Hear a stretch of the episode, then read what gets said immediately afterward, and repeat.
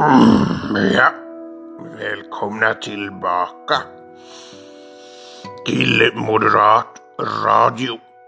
Idag har vi en alldeles särskild gäst i studion. Charles Chevret. Välkommen.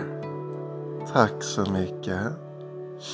Ja, du är ju en sån här kulturintresserad eh, person. Skulle du kunna berätta lite mer om din hållning? Ja, jag tänker att kulturen, det är egentligen allt som ger oss energi, som ger oss goda vibrationer. Det kan vara allt från att läsa en liten kort novell till att njuta av en tulpans vackra färger. Och, och kanske att sitta här i studion med dig, den gamle moderaten. Ja, ja visst. Det är ju alltid trevligt med besökare och sällskap. På tal om det, vill du ha en cigarr? Gott märke det här. Ja, jag tackar så mycket för din gåva. Men ja, jag föredrar nog regnbågscigarrer. Mm, regnbågscigarr, vad är det för något? Ja, jag brukar inte tobak och det är ju inte så nyttigt heller.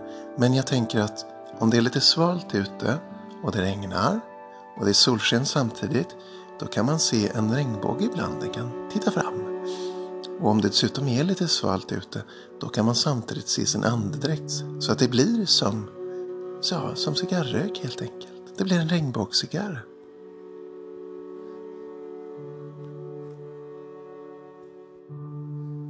Ja, en eh, regnbågscigarr säger du. Det var fasligt intressant. Det är ett sätt att betrakta världen som jag inte har stött på inom det moderata samlingspartiet.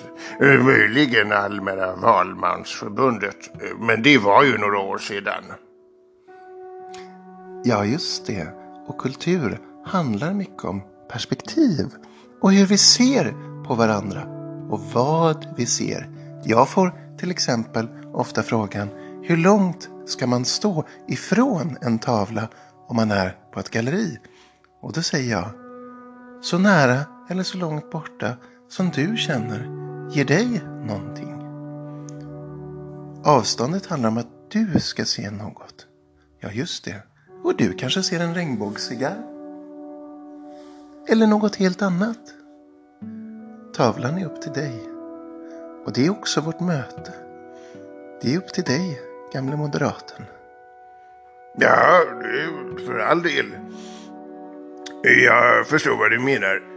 Och därmed behöver vi sätta punkt för idag. Men vi återkommer snart och har en lite fördjupad intervju så att säga. Vi kommer att ha en fördjupad intervju med Charles Chevrier. Eh, tackar så hjärtligt för att ni lyssnade. På återseende och eh, ha en trevlig dag.